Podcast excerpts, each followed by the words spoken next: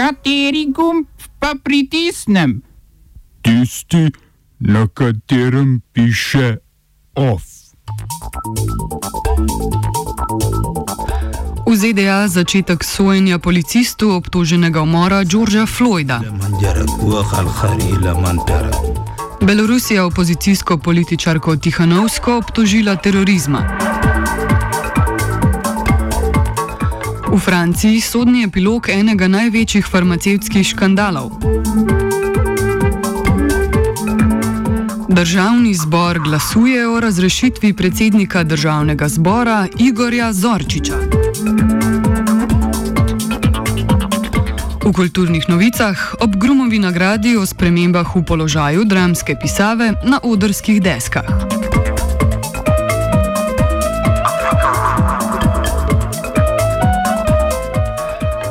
V Združenih državah Amerike se je včeraj začel sodni proces proti Dereku Šovinu, policistu obtoženemu mora Georgea Floyda. Po dveh tednih je končana izbira porotnikov, pri čemer se morata glede vsakega porotnika strinjati tako obramba kot toživstvo. Obramba naj bi med drugim nastopila z argumentom, da je Floyd umrl zaradi uživanja drog in zdravstvenih težav, ne pa zaradi zadušitve. Floydova družina je pretekli teden od občine prejela 23 milijonov dolarjev odškodnine.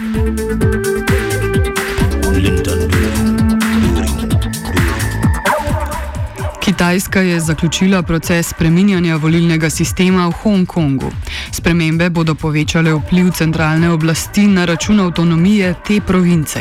Stalni komitej Nacionalnega ljudskega kongresa v Pekingu je spremenil temeljni zakon Hongkonga, da bi omogočil spremembe, zdaj pa mora hongkonški parlament sprejeti spremembe, zapisati v svojo volilno zakonodajo in izvesti volitve. Spremembe ustave predvidevajo, da se bo moral vsak potencijalni hongkonški politik najprej zagovarjati pred posebnim komitejem, ki bo zagotovil, da je kandidat patriot. Hongkonški parlament bo po novem imel 90 mest, ne pa 70, od katerih bo izvoljenih 20 poslancev in ne 35. 40 jih bo izbral komitej pod nadzorom pekinških oblasti, 30 pa jih bodo izbrali organi, ki predstavljajo interesne skupine, tradicionalno prav tako zveste Pekingu.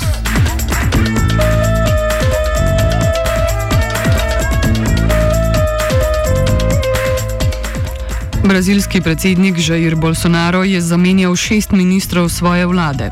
Bolsonaro je pod vse večjim političnim pritiskom zaradi svojega pristopa k obvladovanju epidemije, saj je Brazilija druga na svetu po skupnem številu okužb.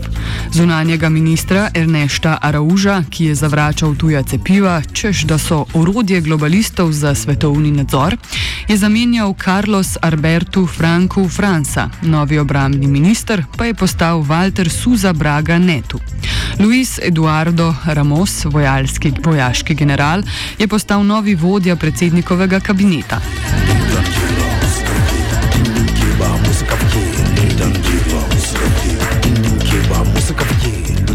Beloruski generalni državni tožilec Andrej Šved je sprožil kazenski postopek zoper Svetlano Tihanovsko zaradi obtožb terorizma. Ista obtožnica je doletela nekdanje člane varnostnih organov, zbrane v kolektivu z imenom Bipol, ki med protesti niso upoštevali ukazov nadrejenih.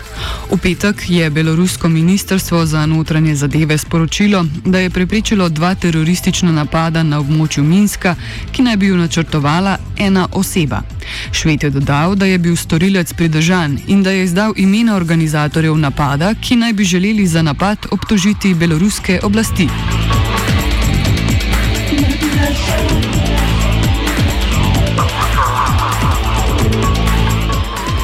Francoski senat je danes začel obravnavo tako imenovanega protiodcepitvenega zakona, potem ko ga je prepričljivo sprejel spodnji dom parlamenta, v katerem ima večino vladajoča stranka On Marš. Zakon med drugim določa, da mora vsaka organizacija, ki želi zaprositi za državno pomoč, podpisati republikansko zavezo in bo oblastem dal večjo moč za razpuščanje organizacij. Vlada predsednika Emanuela Makrona zakon vidi kot zaščito pred islamskim separatizmom. Zakon bo prav tako dodatno reguliral šolanje od doma, financiranje religioznih organizacij in poligamijo.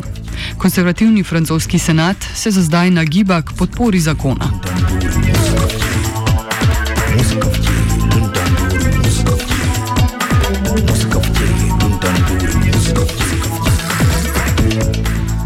Ostajamo v Parizu, kjer se je sodnim epilogom končal eden največjih zdravstvenih škandalov v francoski zgodovini.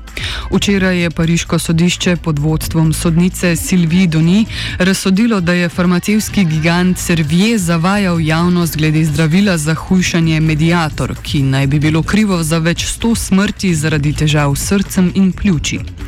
Nekdani pomočnik direktorja Jean-Philippe Seta je bil obsojen na pogojno kazen štirih let, nekdani predsednik uprave Jacques Servier pa je bil v istem procesu že obsojen, a je umrl leta 2014.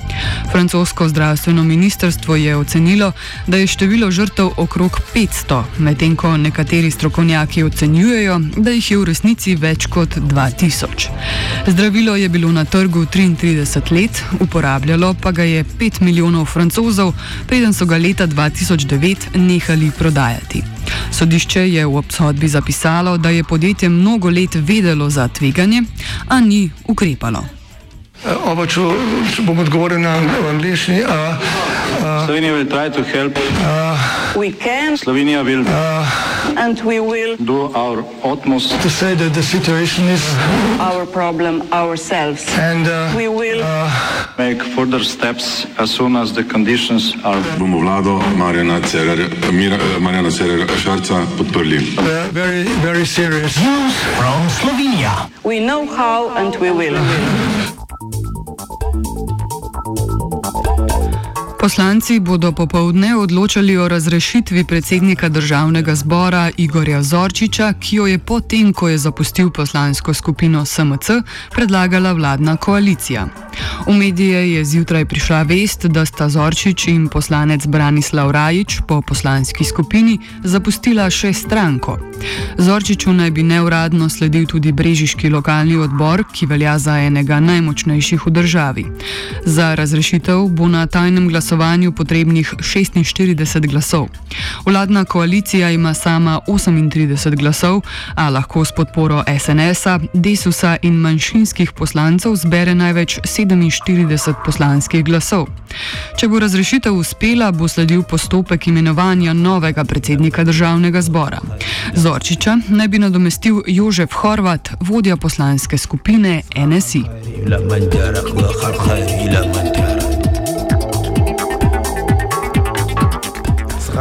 Odkar je bila 23. januarja razglašena visoka stopnja ogroženosti zaradi afriške prašiče kuge, poteka intenziven preventivni odstrel divjih prašičev. Do zdaj je bilo ustreljenih že več kot 1300 živali. Uprava za varno hrano ima za spopadanje s prašičjo kugo na voljo 1,2 milijona evrov, za nakup dodatnega orožja in opreme pa bo država porabila skoraj 400 tisoč evrov.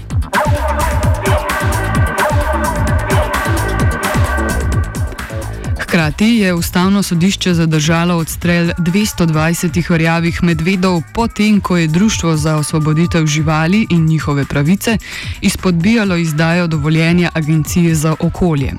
Medvedi so sicer lani povzročili približno tretjino vse škode, ki so jo povzročile živali, v absolutnih številkah pa za četrtino manj kot lani. Denarna škoda se je zmanjšala za tretjino in sicer na 1013 113 tisoč evrov.